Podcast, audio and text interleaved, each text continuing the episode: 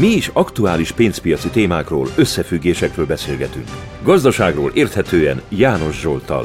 Üdvözlünk mindenkit a mai PFS Kávézac podcaston.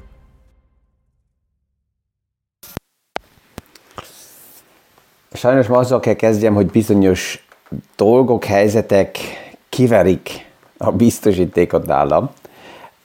A helyzetet elég, elég jó tudom kezelni, tehát nem, nincs senki veszélybe, amikor ez megtörténik.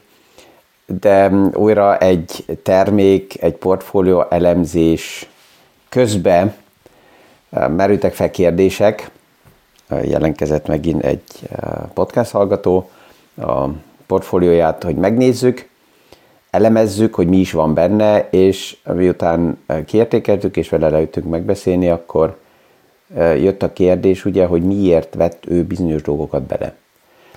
És az rendszeresen így, így, így feszegeti bennem a, a feszültséget, amikor az a válasz jön, hogy valaki valamit megtett, vagy nem tett meg, azért, mert ezt valaki mondta. Tehát biztos, hogy sokan ezt már érezték, hogy van olyan beszélgetés, amikor nem arról van szó, nem a tényekről van szó, amiről éppen beszélgetünk, hanem felbukkan egyből az, hogy ezt ki mondta. És csak azért, mert ezt valaki mondta, ezért bizonyos dolgok helyesebbek automatikusan, vagy nem vesszük komolyan automatikusan, mert azt valaki mondta. Tehát ez, ez, a, ez a kérdés így, mikor beszélgetésekben is felmerül, akkor valamiről szó van, és akkor valahonnan egy sarokból jön az, hogy de hát ezt kimondta. És ezzel az egész téma vagy szentesítve van, vagy hülyeségnek van félretéve, elhelyezve. Ez bizonyos befektetési termékeknél, befektetési kategóriákban újra és újra felmerül, szinte ilyen hit kérdéseként, és akkor akár hülyeség is szentesítve van. Um, önnél a portfólió elemzésnél is, persze, hogy láttunk olyan részeket, ami nem passzol, és amikor akkor a beszélgetésből lehet érezni, hogy az ügyfél nem teszi meg a lépést, át kellene építeni a portfóliót teljesen, de itt benne van nagyon erősen ültetve ez a, ez a, ez a hit kérdés, ez ilyen, ilyen szinte benne vannak bizonyos befektetési kategóriákban, így, így állandóan ez az összeesküvés és egy bizonyos a meggyőződési hit, hozzáállás, amikor befektetéseknél felmerül az, hogy hát de lojális kell lenni ahhoz, aki így vagy úgy ezt mondta, vagy akár eladta, um, akkor sajnos azt kell mondjam, hogy á, két dolog azért van. A portfólió azért van itt az asztalonkon, mert látszólag az a kapcsolat nem működik, hanem nem lenne itt a portfólió, hanem nem lennének kérdések. A kérdéseket meg lehet válaszolni és az árfolyamok, és az egész tőkepiac, ez nem hit kérdésből jön létre, hanem nagyon egyszerű. A napi árfolyamok azért jönnek létre, mert valaki valamit el akar adni, valaki ezt megveszi, és ebből képződik egy árfolyam. Kész. Ennyire egyszerű az egész téma. És ezt többször is mondtam, hogy bizonyos pozíciók nem köszönik nekünk meg azt, hogy megtartottuk, és ezért nekünk jót tesznek hanem árfolyamok esetleg emelkednek, mert többen keresik azt a bizonyos befektetést. Tehát ez, ez, ez így ma beszivárgott ugye az életünkben, hogy az életemben, hogy amikor valaki jön, és nem, nem a tényekről beszélgetünk, hanem egyből felbukkan az a háttérbe, hogy ez ki is mondta. És ha bizonyos X vagy Y azt mondta, akkor ú, hát az biztos, hogy helyes, és akkor kérdés nem is szabad feltenni, mert hát akkor megsértjük azt a bizonyos pozíciót, vagy fordítva, ha vannak olyan dolgok, ami, ami helyes és jó lenne, és csak azért nonsens, mert ezt valaki mondta. Hetekkel ezelőtt még volt egy olyan helyzet is, amikor nem is tudom, hogy melyik beszélgetésben, de így, ez, az is egy ilyen bicskát feszegető téma volt, hogy valaki mondta, hogy igen, évekkel ezelőtt ez és az, eljött egy ilyen rendezvényre, vagy meetingre, vagy mit tudom, és képzeljük el, hogy hogy volt felöltözve, és mi volt rajta, és hogy ő mit képzel el, ez, ez, ez is már megint azt mutatja, hogy valaki kívülről felemelkedik, és ő, ő ítélhet meg bárkiről bármit, hát annak az illetőnek biztos meg volt az oka, hogy úgy volt ahogy felöltözve, és ha jól érezte magát, akkor ez így rendben van, kész. Na ja, um, ez így be, be, be kellett ma szivárogjon a ma reggeli podcastba, mert ez így a kiértékelő beszélgetésbe lényeges volt, majd aztán meglátjuk, hogy hogy megyünk tovább. Um, de még egyszer, ha, ha egy portfólió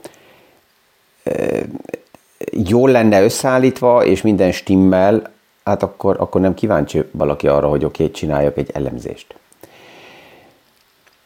Ami az elmúlt napokban felmerült, mint téma, az novembernek az értékelése, és most már szinte mindenki megnézte minden oldalról, hogy milyenek voltak a novemberi eredmények, és ez tisztán erősen látható volt, hogy nagyon erősen fordult felfele a novemberi eredmény szinte minden befektetési kategóriába. A kötvényekről jött ki egy összefoglaló, azzal a headline-nal, hogy akkor a kötvények, főleg az amerikai kötvények a legerősebb hónapot látták 1980 óta 12%-os plusszal. Ez mint headline, ez persze, hogy nagyon jó néz ki, hogy kötvények 12%-kal emelkedtek egy hónapba. Két dolog ehhez fontos, akkor, amikor a hangulat nagyon-nagyon negatív, és csak gondoljunk vissza, egy hónappal ezelőtt a hangulat nagyon negatív volt, az általában az alapja tud annak lenni, hogy fordulnak a piacok, mert hogyha negatív nagyon a hangulat, az azt jelenti, hogy nagyon sokan kim vannak, vagy akár eladnak a piacokba, és nagyon nehéz ez ellen, a hangulat ellen fordulni. Erről már többször beszélgettem, ugye, hogy ha valaki ezt a timing ablakot keresné, hogy a legmagasabb időponton kiszálljon, és a legalacsonyabb időponton beszálljon, ez azért nehéz, nem azért, mert ha, túl erő, ha, ha erős parti hangulat van, akkor ezt nem vennénk észre, vagy hogyha pessimista a hangulat, ezt se vennénk észre.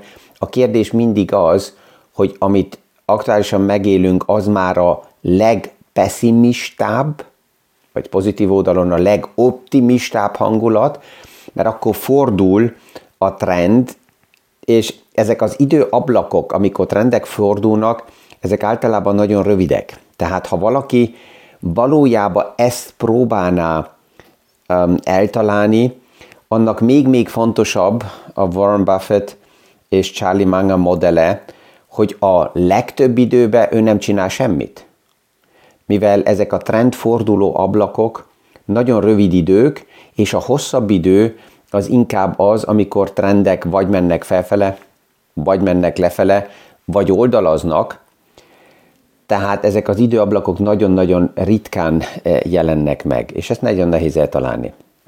A másik, hogy a 12% emelkedés, ez mit jelent? Vegyük most az amerikai államkötvényt, Ugye a múlt héten jelent, került egy olyan kiértékelés a kezembe, amelyik mutatja azt, hogy három évre nézve az amerikai államkötvény, a 20 éves, ugye hosszabb futamidő, és ezért a duráció, a kilengése sokkal nagyobb, hogyha kamatok változnak, vagy az európai államkötvények hogy, hogy alakultak az elmúlt három évben, és a, dollár államkötvény az mínusz 43 kal nagyon véres pár év van mögötte, az európai államkötvények, a 20-25 évesek, azok mínusz 50% nál Na most erről a szintről, ha 12 kal emelkedünk, vegyük az európait, 50%-ról plusz 12% az körülbelül azt jelenti, hogy olyan plusz 7, tehát még mindig nem mínusz 50-nél vagyunk, hanem mínusz 43-nál. Tehát az a mély szintről felfele emelkedni, az mindig fantasztikusan néz ki, százalékos szemszögből nézve, mert ha 50 százalékkal visszakorrigált egy befektetés, akkor erről az 50 százalék szintről plusz 100% kell, hogy nullába kerüljek. És mikor ilyen mozgások vannak a portfólióban, akkor persze, hogy a legfontosabb, ideális esetben a beszállási átlag árfolyamot, a nullát, az közelebb hozni. Ezt hogy tudom közelebb hozni? Hát legelőször felteszem azt a kérdést magamnak, hogy ebbe a bizonyos befektetési kategóriába, ha már ott a portfóliómban mínusz 40%-kal, mínusz 50%-kal, akkor hogy látom a jövőképet, és hogy hiszek-e abba, hogy ez a pozíció tovább a portfóliómba helyes, hogy itt van, és ha igen, hát akkor belevásárolok a mélyebb árfolyam szinteknél is, azért, hogy az átlag vételi árat azt hozzam közelebb, a nullát ezzel hozzam közelebb, mert ha nem teszek semmit, akkor ez nagyon nehéz, ezt látom többször um, befektetőknél, hogy remélik, hogy újra nulla lesz, de nem tesznek semmit, ezért pszichológia oldalról felőrlik saját magukat, és amikor elérik a nulla szintet, akkor azt mondják, hogy uh, anyu, végre, és akkor kiszállnak. Ez sajnos nem stratégia. És ezért kell ezekkel dolgozzak. Az ideális az, hogyha nem vagyok biztos, hogy a mélyebb, legmélyebb ponton vagyok-e, vagy nem is akarok ezzel a kérdéssel foglalkozni, hát akkor beállítom azt, hogy rendszeresen havi vétellel belevásárolok főleg olyan pozíciókba, amelyik víz alatt van, addig, amíg víz alatt van, mert ezzel mindig minden vétellel hígítom eh, lefele a, az átlag vásárvételi árat, és hamarabb fordulok a, a plusz irányába. Tehát ez volt az államkötvényeknél. A másik kategória, ami így is úgy is emelkedett az elmúlt hónapban, az uh, ugye a részvények voltak, ott arról már beszélgettünk, hogy a részvényportfóliók is mennyire erősen emelkedtek. Aztán emellett megmozdult a, a bitcoin is megint, ez már egy jó ideje, így, így, így botlazogik felfele, és az a, az a ö, drog, ami a kriptovilágban újra és újra etetve van, ugye az ETF remény, ez eleinte meg volt a remény, hogy itt az év végére esetleg jönne, most el van tolva ez, a, ez az időpont az év elejére, és ez újra és újra és újra fel van melegítve ez a, ez a témakör, aztán majd meglátjuk, hogy, hogy mi lesz. Egy tény, hogyha meg lesz a spot ETF, akkor ez tovább is inkább azt a reményt eteti ennek a befektetési communitynek a sztoriába, hogy akkor a nagy intézményi befektetők tudnak még jobban bevásárolni a kategó- a, a, az eszközökbe. És az arany. Az arany az tovább A egyik oldalról nagyon erősen ingadozik, de a másik oldalról azt lehet látni, hogy az aranynál is megint akkor jelennek meg a nagy sztorik a kilakatba, amikor megint csúcs szinten van az arany árfolyama. És ha most megnézem, akkor a múlt héten lehetett figyelni, hogy akkor az arany mit fog kezdeni ezzel a pszichológiai ellenállással. A 2050 dollár volt az a szint, amiről egy párszor már visszapattant az árfolyam, és ezen nagyon, nagyon lazán végig, végigment, átment péntek délután az arany árfolyam egészen a csúcsba fel 2118-2120 dollárig, azért, hogy onnan aztán visszakorrigáljon a mélypontba 2022-ig, és most stabilizáljon olyan 2030-nál. De ami, ami a fő téma, hogy érdekes az, hogy font, főleg az aranynál is mindig akkor jelennek meg a headline-ok, akkor jelennek meg a cikkek, és ébrednek egy páran fel, hogy akkor, akkor aranyat kell venni, amikor csúcson vannak az árfolyamok, mikor mély szinten vannak, és jobb lenne vásárolni, akkor nem olvasunk szinte semmit erről.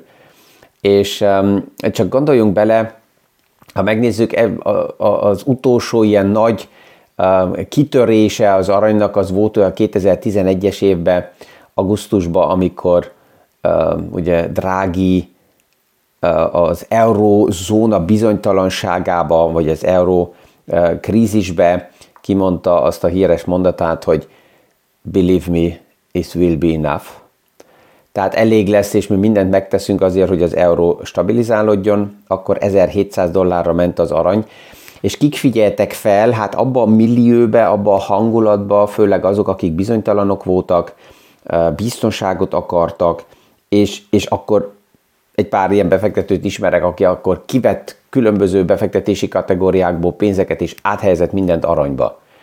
Azért, hogy az 1700 dollárról azután a mélypontba visszacsökkenjen szinte 1000 dollár szintre az arany, és tartott összességében szinte 10 évet 2020 szeptemberig, amíg az arany újra arra a csúcs szintre került, ahol az előtt volt. És aki, aki ezt a nyolc évet így kvázi végig szenvedte, mert ő alapjában biztonságba akart menekülni, és csúcson megvette, és aztán visszacsökkent, és aztán nem csinált semmit vele.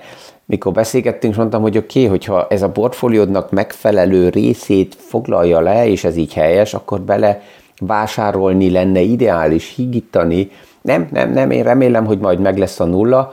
2000 a 2021-21-be vagy 20-ba, amikor meg volt a plusz-minusz nulla, akkor kivette, mert akkor ő nem akar tovább, nem akar tovább újra veszteséget, meg volt 8 év plusz-minusz nulla tapasztalata, azért, hogy azután megint elkezdjen vakarozni, mikor 2000 irányába ment az arany, hogy akkor mégis jó lenne most esetleg befektetni, azért, hogy onnan majd visszakorrigáljon olyan 1600-ra, és amikor beszélgettünk olyan jó, több mint egy évvel ezelőtt, hogy mélyebb árfolyamoknál akár újra, de hát ezt lehetett látni, hogy neki nincs stratégiája, nincs ötlete, nem tud higgadtan, nyugodtan, emóciók nélkül az, a portfólió összetételével foglalkozni, ezért ott vissza is vonultam, mert fölösleges, um, ha, ha valaki ilyen emocionális csapongásból halvány fogalma nincs, de mindig meg van győződve, hogy amit ő most lép, az, az jó. Tehát ez, vannak nem tudok segíteni. Um, tehát minden esetre, hogyha ezt így megnézzük, akkor megint most vannak a nagy címek, meg vannak a nagy headline-ok, és főleg az, az, az, az érdekes, hogy ki figyel erre fel, mikor ilyen csúcsértékek vannak, hát az A, aki bizonytalan, A, aki esetleg arra gondol, hogy ne já, akkor mégis jó lenne, hogyha, de ötlet nélkül most ideálisan neki el lehet ezt adni, és akkor, ja, megvan, és, és, és, és, és egy jó ideig akár benne reked a bizonyos befektetési kategóriába. Um, látjuk azt, hogy tovább is a piacnak az elvárás, hogy a kamatok csökkenni fognak, nagyon eltér attól, amit a Fed kommunikál. Aktuálisan dollárba 5,25 és 5,5 százalék körül van a kamat. November 24-én, az még nincs egy hónapja, november 24-én a piac azt árazta be, hogy a jövő év végére a mostani 5,5-ről 4,5 4,6 százalékra csökken a kamat. December 1-én már a piac azt árazta be, hogy a jövő év végére 4,6 helyett 4 százalékra csökken a kamat. És itt tovább marad az a kérdés, recesszió miatt, vagy pedig kamatcsökkentés, és mégis soft landing a gazdaságban, ami nagyon-nagyon ritkán sikerült a 90-es években egyszer, Meglátjuk, hogy ez most fog-e sikerülni. A harmadik negyed évben a gazdasági növekedése Amerikának még mindig 5,3% volt. A negyedik negyed évre, amelyikben most benne vagyunk, a prognózisok 1,2. Ez egy elég erős lehűlés a gazdaságban. Nem azt jelenti, hogy visszaesik, mert 5,3% növekedés az azt jelenti, hogy növekedik, 1,2 növekedés, még mindig növekedés, csak nem azzal a dinamikával. És, és ez lesz a fő kérdés, és ezt hogy tudja beépíteni a saját helyzetébe egy befektető? Na ja, felteszi magának azt a kérdést, hogy sajnálom, vagy akár élvezettel használom, élem meg azt a helyzetet, ha például 20-25 százalékkal a piacok visszakorrigálnak van elég likviditásom azért, hogy egy korrekciónál tudjak mazsolázva pozíciókat a portfóliómba bevásárolni, vagy sajnálom magam, mert kell a likviditás, és hogyha visszakorrigál 20%-kal, akkor az nem passzolna az élethelyzetembe, a cash tervezetembe. Hát akkor most érdemes likviditást a piac részeiből ott, ahol jók az árfolyamok kivonni, Azért, hogyha van egy erősebb korrekció, akkor likviditással ezt tudjam kezelni, és ne legyek ráutalva arra, hogy mély árfolyamokon kelljen realizáljak bizonyos pozíciókat. Ha van elég likviditás, hát akkor nyugodtan alszom, és figyelem a piacot, hogy hogy alakul, és mindig csak pici pici lépésekkel igazítom a portfóliómat ide-oda.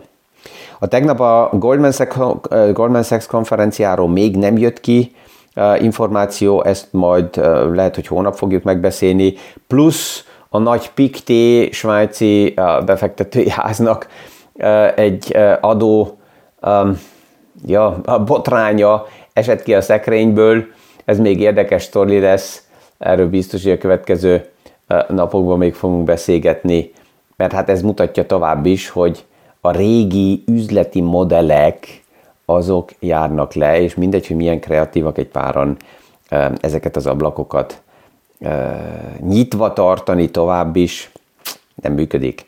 Tehát ezért transformálódnak még azok is. Ezzel mindenkinek ma is kívánok kellemes napot, és ja, hónap reggel újra itt ezen a színpadon beszélgetünk a viszonhallásra a következő PFS Kávézac podcastig. Mi is aktuális pénzpiaci témákról, összefüggésekről beszélgetünk. Gazdaságról érthetően János Zsoltal. Üdvözlünk mindenkit a mai PFS Kávézac podcaston!